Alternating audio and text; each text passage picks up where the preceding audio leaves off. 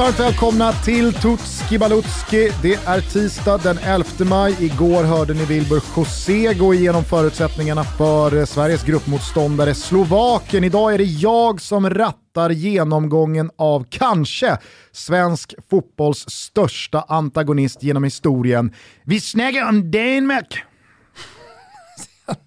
Det kommer ju bli, det kommer, det kommer bli mycket dålig danska idag känner Ja, jag. det känns som det. Börjar, och börjar direkt Ja. med rätt dålig danska. Ja, helt usel var den inte. Det är rödvin! Det, de, de är röda, de är vita och deras flagga heter Dannebrog. Men eh, vad, har ni för, eh, vad har ni för fotbollsmässig relation till Danmark om vi bara kort börjar där? Jag tänker ju direkt på Laudrup och målgesten. Den, var ju, den gjorde man ju själv. Och Man då var ju i pratar du om åldern. Brian Laudrup när han då glider liggandes och sätter huvudet i handen och är bara blickstilla. Ja, exakt. Kaxig målgest. Får man säga. Ja, nej, alltså min relation eh, när jag växte upp var inte speciellt god. Gillade ju inte de nordiska länderna, var ju inte jätteförtjust i slutet på 80-talet eh, över det svenska landslaget heller. Så när Danmark vann 92 så, ja, då, då, var jag, då var jag mest irriterad på dem. Och sen så har det varit en irritation över danskarna tills jag slutade harma på dem och började omfamna, började älska Köpenhamn, varit där många gånger, uppskattar danskarna som eh, betydligt mer öppna i sinnet än, än andra nordbor. Så att eh, ja, det, det är en relation som är på bättringsvägen. Det måste jag säga. står väl dock en upp i halsen att de alltid ska påtala att de har ett annat lynne i och med att de är närmare kontinenten än svenskarna. Ja men det stämmer ju samtidigt också. Exakt. Och de har ju ett annat lynne för att de är, ja, kanske inte för att de är närmare kontinenten, för att de är danskar. Och eh, jag uppskattar den typen av människor mer.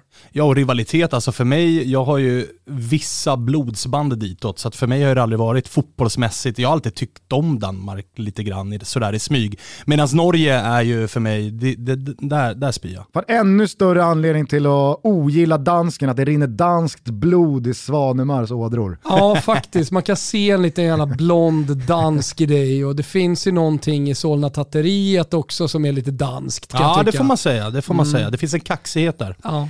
Hörni, Danmark tillhör i sommar Grupp B. De inleder med ett nordiskt möte mot Finland den 12 juni. Sen väntar Belgien och därefter Ryssland. Vet ni vad som är speciellt med Danmarks gruppspel? Nej.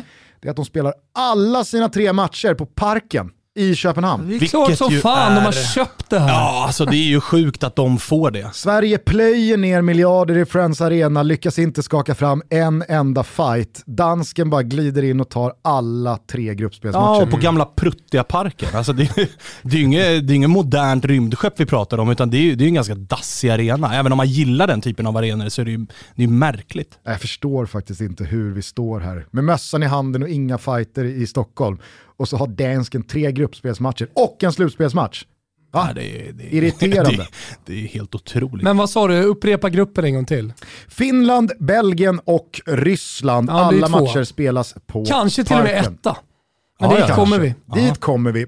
Eh, vi tar det från början. Thomas har redan nämnt det. Danmarks överlägset största mästerskapsminne är givetvis från EM 1992 när man fick skrapa ihop vad man hade och illa kvickt ersätta Jugoslavien som fick dra sig ur mästerskapet på grund av kriget som brutit ut. Och visst fan gick man hela vägen. Det är såklart värt att påminna våra yngre lyssnare om att EM på den här tiden bara avgjordes mellan åtta lag och således inte var så svårt att vinna.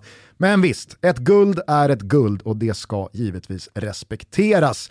Fina VM-insatser har levererats på både 80 och 90-tal och vem minns inte när bröderna Laudrup snurrade upp självaste Brasilien i Frankrike i VM 98 och höll på att slå ut dem i kvartsfinalen.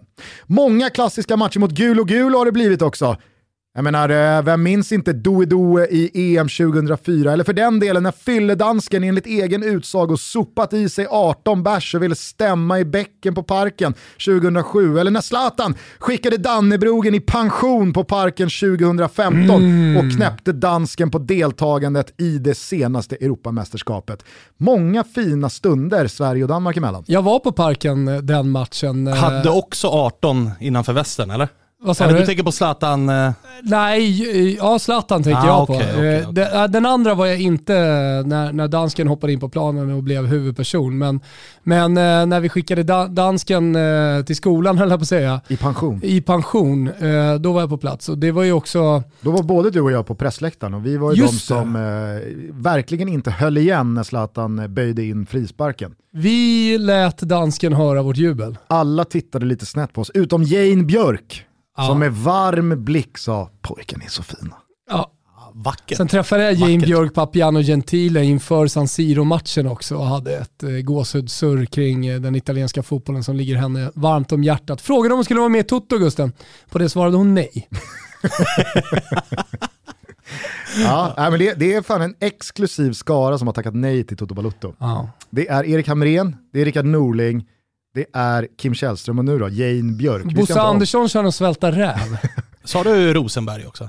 Ja men Rosenberg är på, han är på G. Han har lärt sig namnet och sådär också. Jajamän. På Det tal får om- vi, han det får vi se. På tal om Danmark, Ja. men sen eh, den här U21-matchen ska väl också nämnas som någon form av rivalitetsbyggande match. Det var en uppsnackad historia som ju fick mycket uppmärksamhet här hemma i Sverige såklart och det var i Danmark som på pappret var uppsnackade men där John Guidetti till slut fick be alla gå hem. Det är en match jag såklart eh, minns. Alla Feyenoord-supportrar får ursäkta, men det där var väl John Guidettis största stund i karriären. Det kan vi nog slå fast att det var va? Det var ju trots allt med svenska landslagströjan, då blir det ju alltid större även om det var U21.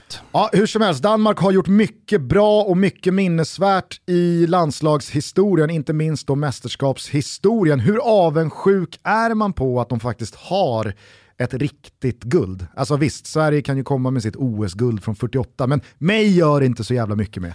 Alltså nu när du säger det så blir man ju avundsjuk på det, men, men det är inte så att man går och grubblar på det. Men jag menar, du är ju fan halvdansk. Ja, alltså kanske- det, är- det är lika mycket mitt guld som det, som det, som det är danskens guld. Så, att, så att jag menar, det, det, jag är stolt. Kvisslingen Kristoffer Svanemar. Ja, exakt. Eh, vad, vad säger du där Thomas? Alltså, stör det dig att Danmark faktiskt har ett EM-guld? Eller eh, är du likgiltig? Ja, men det gjorde det ett tag i alla fall. Under 90-talet gjorde det definitivt det. Men sen så kom ju bronset 90, 1994 och man eh, intalade sig själv att det bronset var betydligt mycket större än EM. Som du nämner så var det ju bara åtta länder som, som eh, deltog i, i EM på den tiden. Så att, eh, det, det var större med ett brons i VM än, än, än att vinna. Sen kan man ju alltid diskutera det här med, med bronsmedaljer och guldmedaljer. Ja, är, man en, är man inte en riktig vinnare då? Eh, om man håller på och värderar bronsmedaljer högre än guldmedaljer. Men nej, jag störde mig ett tag på det men inte nu. Nej, okej. Vi får väl se ifall dansken kan återupprepa den där 92-sommaren om några veckor. Vägen till det här mästerskapet har i alla fall sett ut som följer. När dansken tvingades till Dublin med kniven mot strupen i november 2019 för att undvika förlust och ett missat mästerskap så trodde i alla fall inte jag att man skulle sitta här lite drygt ett och ett halvt år senare och vara lite småskraj för det rö och det vire. Men så har det i alla fall blivit. Man klarade 1-1 mot The Boys in Green och kunde efter ett överlag ganska svagt kvalspel mot utöver Irland, Schweiz, Georgien och Gibraltar förvisso titulera sig som obesegrade, men också bara fyra futtiga vinster kunde räknas in och en andra plats bakom de ihåliga ostarna från Alperna blev det. I höstas växlade dock Danmark Normally, being a little extra might be a bit much, but not when it comes to healthcare. That's why United Healthcare's Health Protector Guard fixed indemnity insurance plans, underwritten by Golden Rule Insurance Company, supplement your primary plan so you manage out of pocket costs. Learn more at uh1.com. upp och i A-divisionen i Nations League med Island, England och Belgien kom man faktiskt tvåa efter att ha tagit fyra poäng av England, däribland en seger på Wembley. Och när 2020 blev 2021, när Nations League blev VM-kval, äh, men då petade dansken i nästa växel. Då mullrade motorcykeln ner på kontinenten, slog Israel med 2-0, vände hem till parken och körde över Moldavien med 8-0, innan man åkte ner till Ernst Happel och släpade ut börsen på altaret och skar halsen av dem så blodet bara sprutade. Hängde ni med i matematiken där? 14-0 i målskillnad, tre segrar och en VM-kvalstart som inte var något annat än perfekt. Ja, och det där skrämmer ju. Alltså det senaste, det man har färskast i minnet, det är, det är fan siffror alltså. Ja, men det har också varit eh, nationer som eh, de senaste 15 åren har imponerat i kval och gjort eh, bra matcher mot stora motstånd men som sen när de väl kommer till mästerskapet har eh, skitit ner sig fullständigt. Alltså jag tänker såklart på Schweiz som har varit alldeles för högt, eh, eller för, för, för mycket hypade. Jag tänker på Belgien som eh, också tidigt var extremt hypade. Oj, oj, oj, det belgiska fotbollsundret och så vidare. Eh, ah, jag vill se dem spela mästerskap först innan jag börjar liksom Ja, och de bli här- skraj från en jävla dansk. Och de här matcherna vi minns, de Sverige-matcherna du tog upp också, så har det ju varit genomgående att det har ju saknats pannben i det här laget. Alltså fotbollskvalitet har det ju funnits, men pannben har det saknats. Vi kommer återkomma till det när vi pratar Schweiz och kvalet dit. Att det där kvalet till EM så var det ju både ett Schweiz och ett Danmark som inte direkt såg starka ut. Från det här senaste landslagsåret också så kan vi ta med oss att Danmark faktiskt slog Sverige i Danmark i höstas, men det var ju en oerhört speciell träningslandskamp som ingen ville spela. Corona rådde, spelarna hade tankarna någon helt annanstans och det var rejält luftade elver som eh, mötte varandra. Då Nej, men- vann dansken med 2-0, men den insatsen och det resultatet är ju totalt oviktigt idag. Ja, men det har man ju hört eh, även från huvudpersonerna som var med i den matchen, att allt fokus eh, låg på Kroatien. Och med all rätt.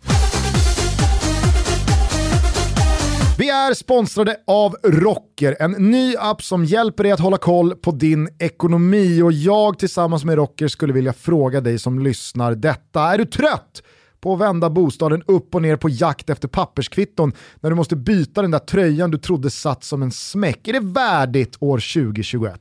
Nej, det tycker inte jag i alla fall Gusten, om jag får svara på frågan. Är det kanske så att Rocker har lösningen på det här? Ja, för på Rocker så ansluter du dina kort och dina konton för att få överblick över alla köp och så får man allting samlat i ett transaktionsflöde. Och i detta då så kan du även addera att lägga till kvitton så du sparar dina kvitton i appen och då får man en totalkontroll över allting på ett och samma ställe. Det är det som är viktiga här och det är det jag tycker är så jävla härligt. Jag sitter med Rocker-appen framför mig här just nu och eh, jag har mitt transaktionsflöde från bank, från eh, kreditkort och så vidare. Och eh, det är det som är nice. Då kan jag söka, vad är du intresserad av? Till exempel, jo, eh, mat och dryck är jag intresserad av. Absolut. Ja, då har ju de den som en förkategori för jag tänker att de är, de är smarta. Det är många som söker på det. Ha, sushin i Rönninge 130 spänn. Circle K har jag varit på. Circle K igen. Ja, du ser. Eh, det är då allting samlat på ett och samma ställe och det här är då från dels ett eh, kreditföretag och sen så även ett, eh, ja, min bank då, då. Och så får man ett transaktionsflöde. Så om man nu skulle ha sumpat ett papperskvitto man väldigt gärna behöver så hjälper Rocker en att få tag i kvittot som kanske är viktigt för bokföringen eller för sinnesfriden. Det här är bara ett av alla sätt som Rocker hjälper alla oss som vill att ta ett steg närmare ett liv utan papperskvitton, men framförallt för att förenkla ens ekonomi. Ja, och det här är alltså bara en av flera funktioner som finns i Rocker-appen. Man kan till exempel också splitta köp bland vänner, eh, man kan öppna ett flexibelt sparkonto med sparränta och så vidare. Rocker-appen är helt kostnadsfri att använda och den finns där appar finns. Tack för betalt samarbete Rocker. Stort tack! Förbundskaptenen då, kan ni honom?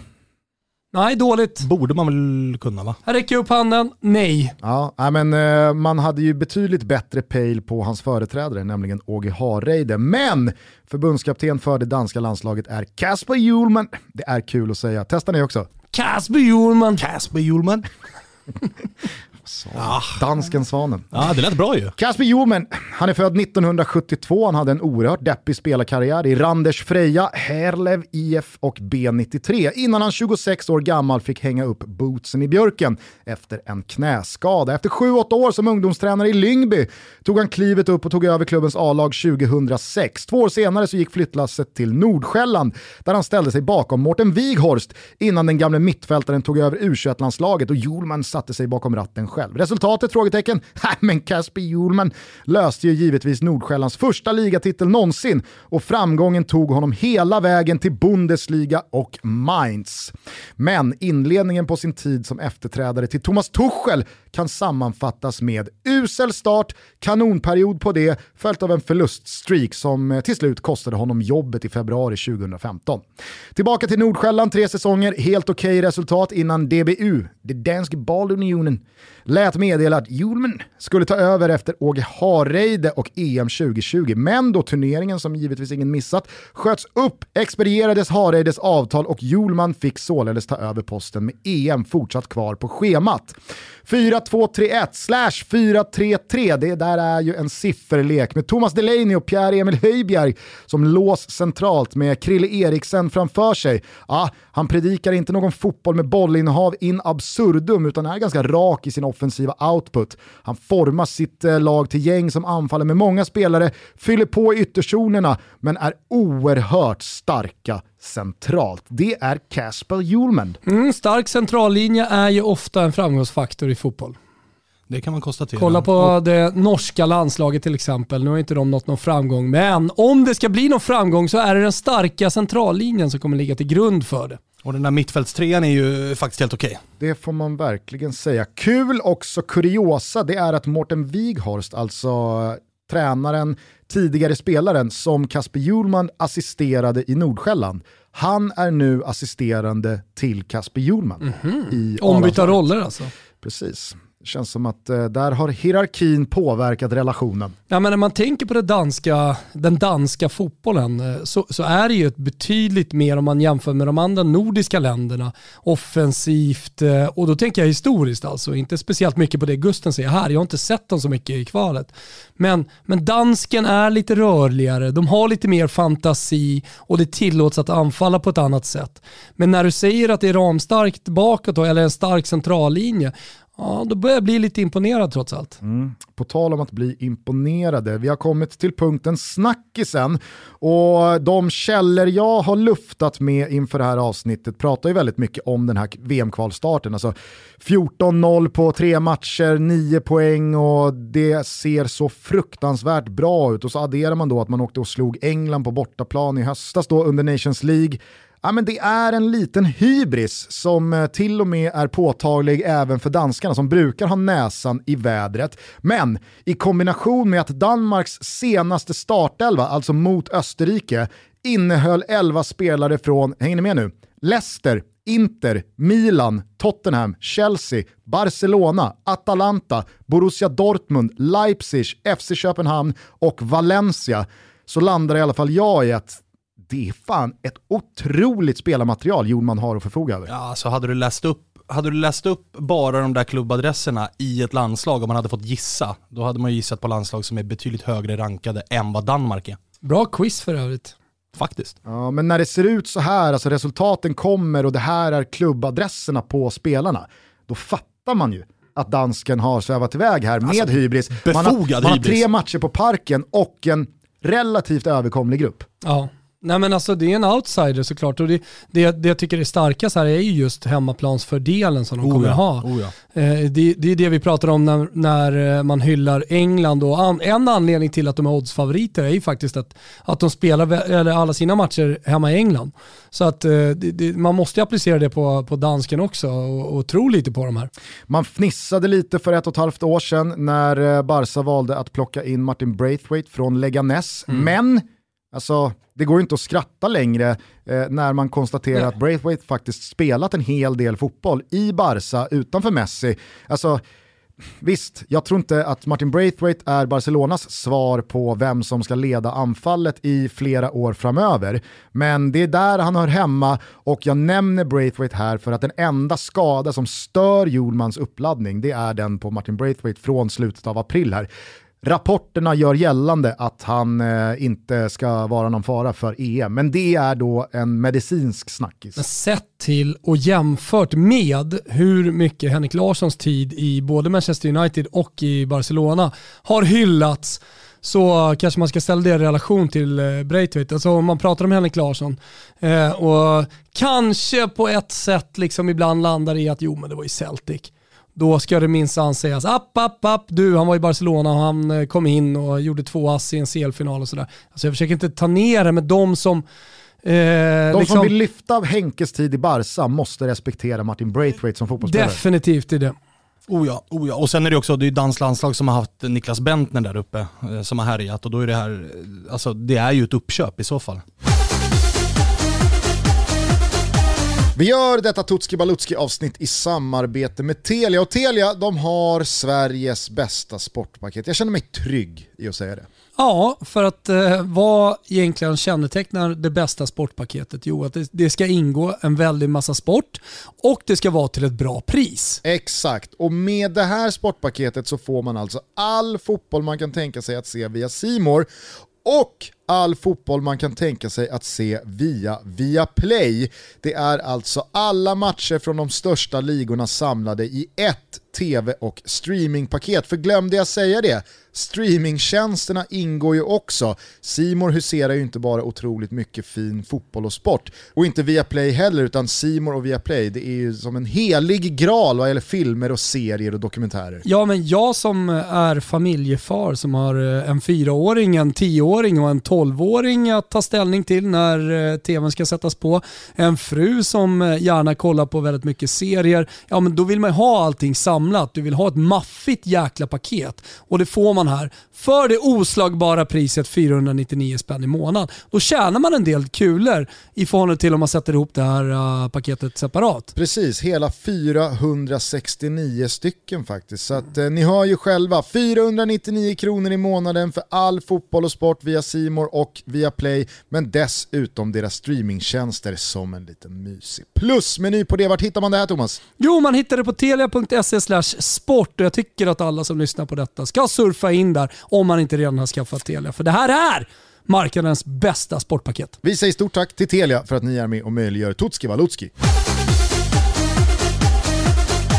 Okej, okay, men vem är egentligen av alla dessa fantastiska gubbar i dessa storklubbar ute i Europa, vem är MVP? Vem har du liksom klurat ut här Gusten? Ja, men vid första anblick och sett till status eh, europeiskt och kanske inte minst här hemma i Sverige så hade det givetvis varit lätt att lyfta fram Christian Eriksen här, men jag tycker att det här lagets eh, allra viktigaste spelare, om man lyssnar på Kasper Hjulman, så vill ju han ständigt lyfta upp Simon Kjär.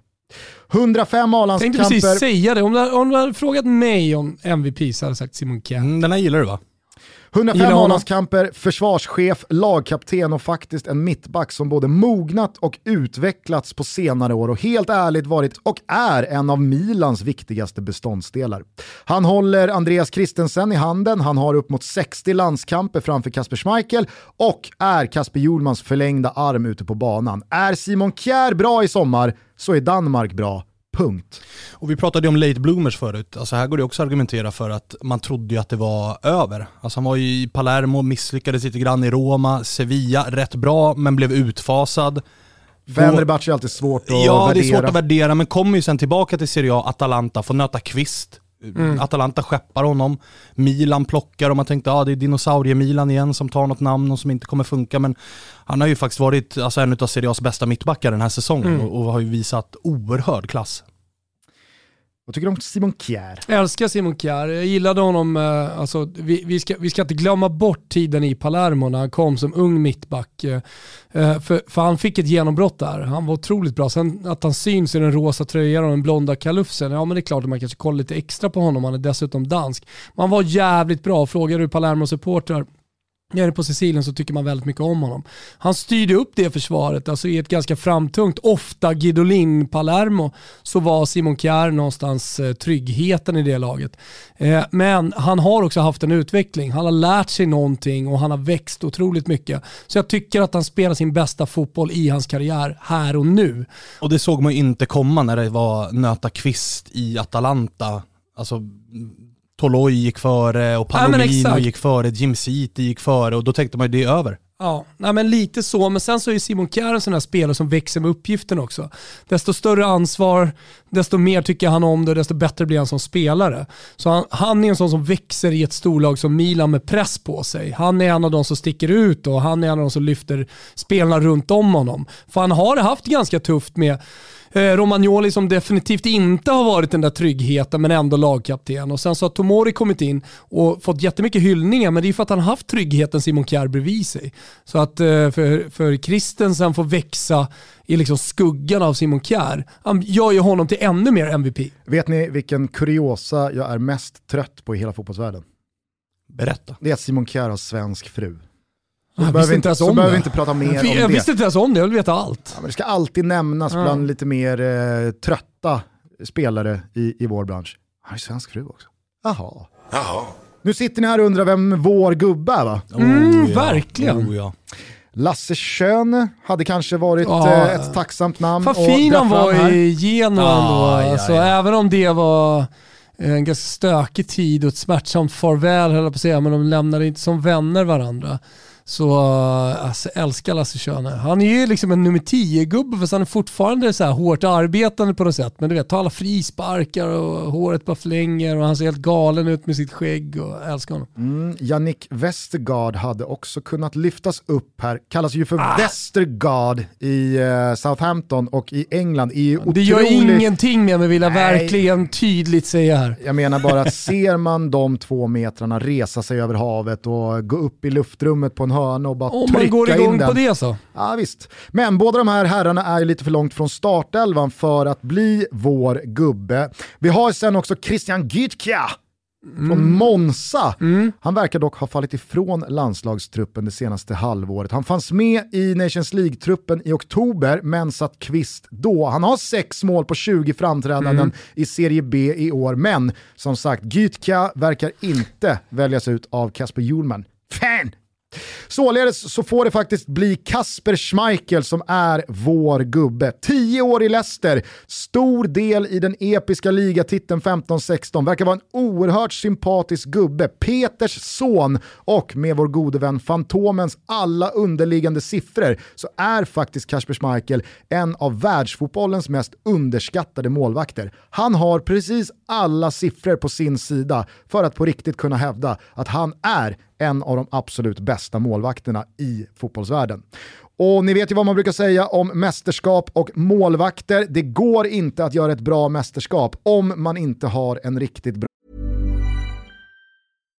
The number one selling product of its kind with over 20 years of research and innovation. Botox Cosmetic, out botulinum toxin A, is a prescription medicine used to temporarily make moderate to severe frown lines, crow's feet, and forehead lines look better in adults. Effects of Botox Cosmetic may spread hours to weeks after injection, causing serious symptoms. Alert your doctor right away as difficulty swallowing, speaking, breathing, eye problems, or muscle weakness may be a sign of a life threatening condition. Patients with these conditions before injection are at highest risk. Don't receive Botox Cosmetic if you have a skin infection. Side effects may include allergic reactions, injection site pain, headache, eyebrow and eyelid drooping, and eyelid swelling. Allergic reactions can include rash, welts, asthma symptoms, and dizziness. Tell your doctor about medical history, muscle or nerve conditions including ALS or Lou Gehrig's disease, myasthenia gravis, or Lambert-Eaton syndrome and medications, including botulinum toxins, as these may increase the risk of serious side effects. For full safety information, visit BotoxCosmetic.com or call 877-351-0300. See for yourself at BotoxCosmetic.com. målvakt. Inte för att jag håller på Danmark överhuvudtaget, men jag ser ju stjärnorna stå rätt här för Danmark och inte minst Kasper Schmeichel. Ja, men det är som en röd tråd genom hela den här episoden. Alltså, stjärnorna står rätt. Nu är det snarare liksom lite press på dem från alla som lyssnar på det här. Ja, de spelar hemma, gyllene generation, dessutom rätt ålder på många av nyckelspelarna, de har erfarenhet, de viker inte ner sig inför stora utmaningar. Tvärtom, som jag sa med Simon Kjær, och lyfts av de här stora matcherna och stort ansvar och stor press. Eh, så att eh, det, det är jävla förväntningar alltså, Alltså vi, vi, målar upp på när, vi, när vi klickade på rec så var det underdog och när vi är klara med det här avsnittet så kommer det vara men topp tre. Ja. Ja. Nej, men, vad- hur gammal är han nu? Kasper Schmeichel, Ja. han är några år äldre än vad jag är, 34-35. Perfekt målvaktsålder då. Men det gäller ju, alltså med Eriksen, det gäller med Kjär, att de har ju en central linje av spelare som de ska pika nu och att då få EM mer eller mindre på hemmaplan, det är ju perfekt för de här gubbarna. Och är det inte så att Kasper Schmeichel förtjänar lite upprättelse, uppbackad av de här siffrorna som Fantomen presenterar? Man pratar ju aldrig om Schmeichel som en av de bästa målvakterna i Europa. Nej, och nu när du säger det så det är inte jättemånga som bör vara före. Alltså många är ju före på namn. Alltså en sån som de Gea tänker man ju på verkligen oftare när man tänker på världens bästa målvakt. Men när man tänker på prestationer de senaste, ja men fan två, tre säsongerna, så då är det ju fler de Gea-misstag och ifrågasättanden som poppar upp än vad det är runt Schmeichel där man känner att det alltid är, det, det levereras alltid. Ja, ja, herregud. Ja, men kolla på vilka målvakter som har stått i Chelsea, Arsenal, i Tottenham Mm. och som alltid nämns före Kasper Schmeichel. Mm. Ja, ja, Om vi ja. pratar enkom Premier League. Mm. Peters son Kasper, det är fan, det är vår gubbe.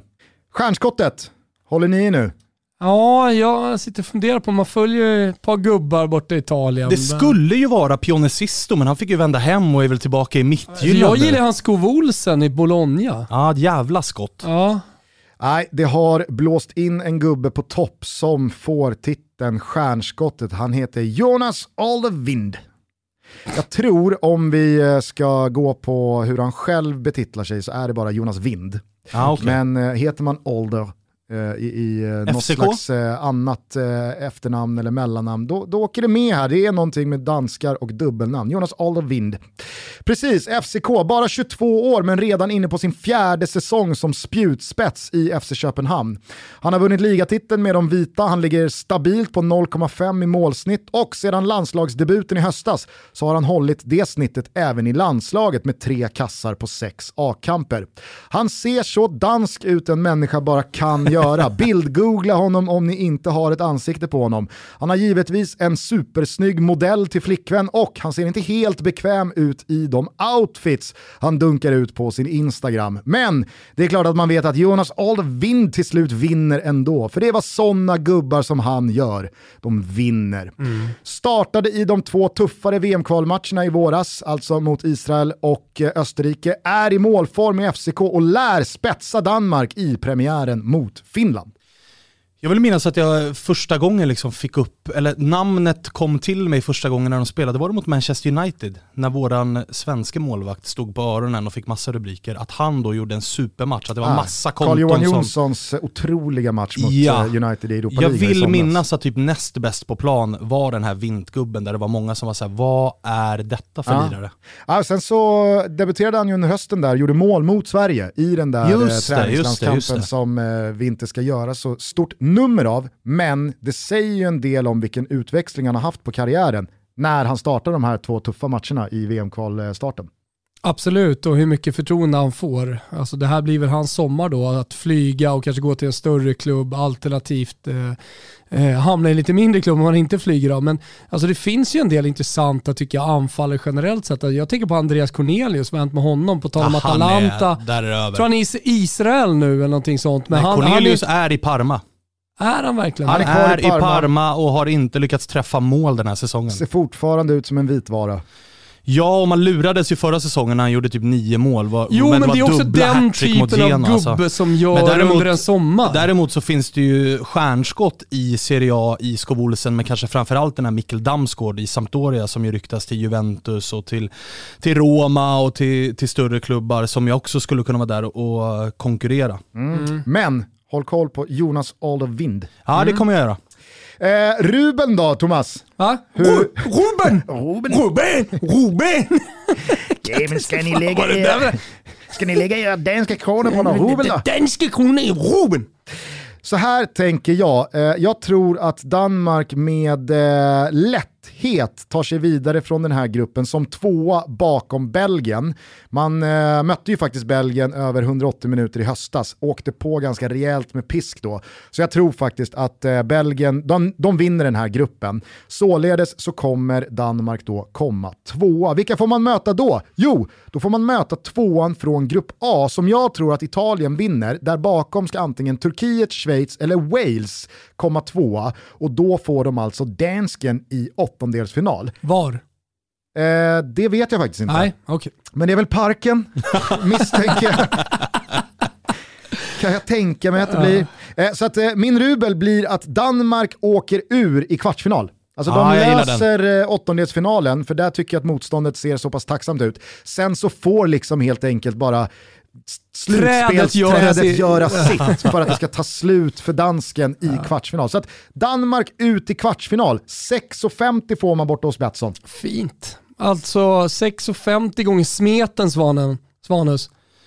Ja, det är bara att plocka va? Ja, jag var på väg att säga Svaneprutten, eh, men jag kom på mig själv där. Det är Svanen som gäller i dessa tider.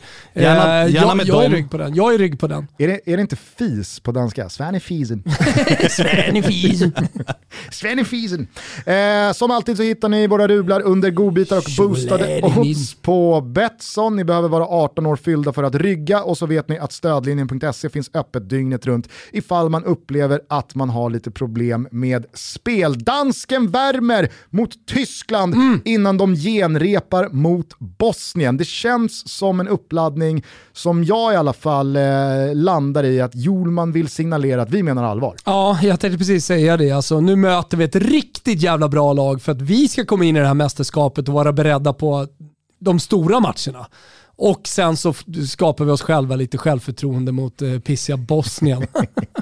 Ja men lagom, alltså tysken som Belgien ungefär, då får man en genomkörare där och Ja. sen Bosnien. Så att, ja, det, jag gillar den värmningen. Allt är upplagt för dansk succé denna sommar. Ja, det känns hemskt Ja, faktiskt. ja. Du får ursäkta Svanen, även fast jag vet att du håller på och, nu, dem. och- och nu har de dessutom öppnat upp nattklubbarna. Har de det? Ja, ja, ja. Det är 05 på strippklubbar och alltihopa där nere nu vet du. Så att, eh, fan, eh, alltid steget före den här jävla dansken. De är närmare kontinenten Gugge och de är steget före. Fan! Fan! Kör vi vi rör vi vid eller blir det. Bröderna Olsen med Nej. Fly on the wings of love? Nej, Aqua jag in. nej, Aqua har vi också. nej, nej, Det, det är röde vi det här. Alltså, vi ska uppleva 1992 all over again boys. Ah, Okej, ah, ja, det får bli vi rör vid det. Det här var Danmark, vi hörs imorgon igen. Fortsätt lyssna på Tutski Balutski, ta hand om varandra. Ciao tutti! Ciao tutti. Ciao tutti.